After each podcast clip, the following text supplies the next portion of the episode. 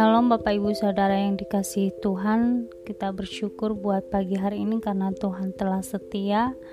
Tuhan telah melindungi peristirahatan kita pada malam hari ini Dan kita kembali menghirup udara segar di pagi hari ini. Kiranya kita dapat meluangkan waktu kita untuk mendengarkan dan merenungkan kebenaran firman Tuhan sebelum kita melakukan aktivitas kita sepanjang hari ini. Nah, namun sebelum kita mendengar dan merenungkannya, mari terlebih dahulu kita uh, bersatu di dalam doa. Bapa yang baik, kami bersyukur buat segala kemurahan, kebaikan, dan anugerah Tuhan yang terus melimpah dalam hidup kami. Terima kasih buat kesempatan yang Tuhan berikan kepada kami di pagi hari ini. Kami dapat kembali mendengar dan merenungkan firman-Mu. Pikirannya kebenaran firman-Mu Tuhan dapat berbicara kepada kami di pagi hari ini. Terpujilah Tuhan Allah di dalam nama Tuhan Yesus kami berdoa. Haleluya. Amin. Bapak Ibu Saudara yang dikasihi Tuhan, pagi hari ini kita akan belajar dari firman Tuhan yang tertulis di Matius pasal 12 dan di pasal 12 ini ada beberapa perikop yang menjelaskan tentang perdebatan para pemimpin Yahudi dengan Yesus. Namun saya tidak membahas semuanya. Saya hanya membahas uh, satu peristiwa di mana uh, terjadinya perdebatan uh, pemimpin-pemimpin bangsa Yahudi dengan Yesus karena murid-murid Tuhan Yesus pada saat itu memetik buah gandum pada hari Sabat. Nah, alasan mereka berdebat dengan Yesus itu karena mereka ingin mencari kesalahan Yesus. Karena mereka-mereka ini sudah menolak atau tidak suka dengan Yesus. Injil Matius sudah menjelaskan di pasal yang kedua bahwa para pemimpin-pemimpin agama ini uh, tidak suka dengan Yesus. Mereka menolak keberadaan Yesus di dunia ini. Dan di pasal 9 juga um, Matius menjelaskan bahwa mereka-mereka uh, ini uh, memberikan tuduhan-tuduhan kepada Yesus dan di pasal 12 kembali lagi kita melihat bahwa mereka mencari kesalahan Yesus mereka memberikan tuduhan-tuduhan kepada Yesus supaya Yesus ini benar-benar dipersalahkan dan diberikan hukuman mati. Nah, Bapak Ibu Saudara yang dikasihi Tuhan, mari kita melihat uh, bagaimana uh, penjelasan Tuhan Yesus apakah boleh atau tidak memetih buah gandum pada hari Sabat. Ada dua poin yang dapat kita lihat dari penjelasan Yesus yaitu satu Yesus mengatakan bahwa Daud pernah masuk ke bait Allah untuk mengambil roti sajian karena mereka lapar. Terdapat di ayat 3 sampai 4. Tetapi jawab Yesus kepada mereka, "Tidakkah kamu baca apa yang dilakukan Daud ketika ia dan mereka yang mengikutinya lapar?"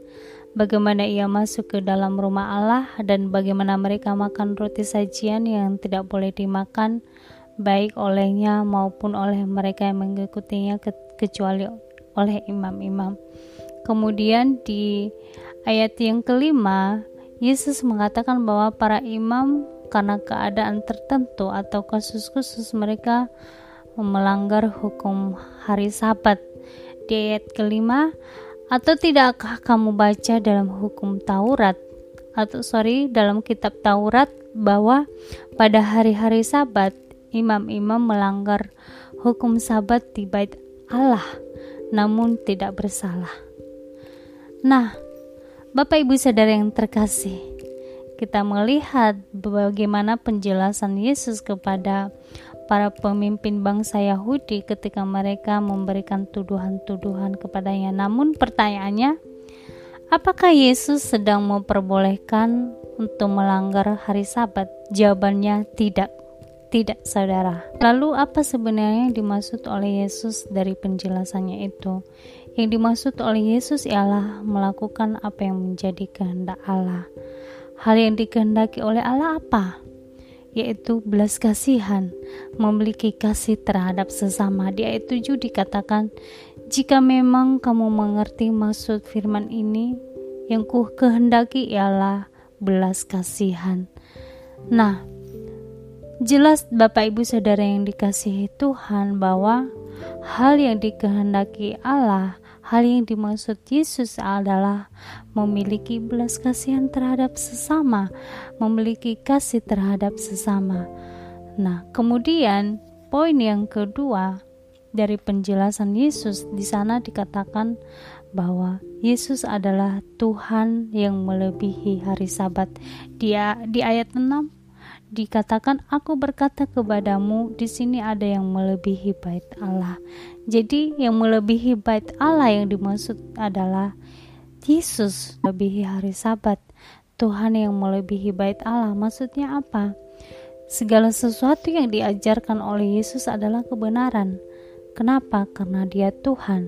Nah, Bapak Ibu Saudara yang dikasihi Tuhan, teks ini sedang mengajarkan kita untuk memahami bahwa Allah adalah kasih, sehingga kita sebagai anak-anak Allah, sebagai orang Kristen yang telah percaya kepada Kristus, kita punya kewajiban untuk mengasihi sesama, untuk memiliki belas kasihan. Bapak Ibu Saudara yang dikasihi Tuhan, kita jangan menjadi orang Kristen yang menghidupi keagamaan dengan uh, kaku karena ada orang berpikir bahwa hidup beragama itu baik kalau sudah menaati peraturan dan eh, perintah-perintah secara harfiah padahal ada orang yang justru menderita dan terancam kematian karena menjalankan peraturan keagama keagamaannya dengan tidak tepat.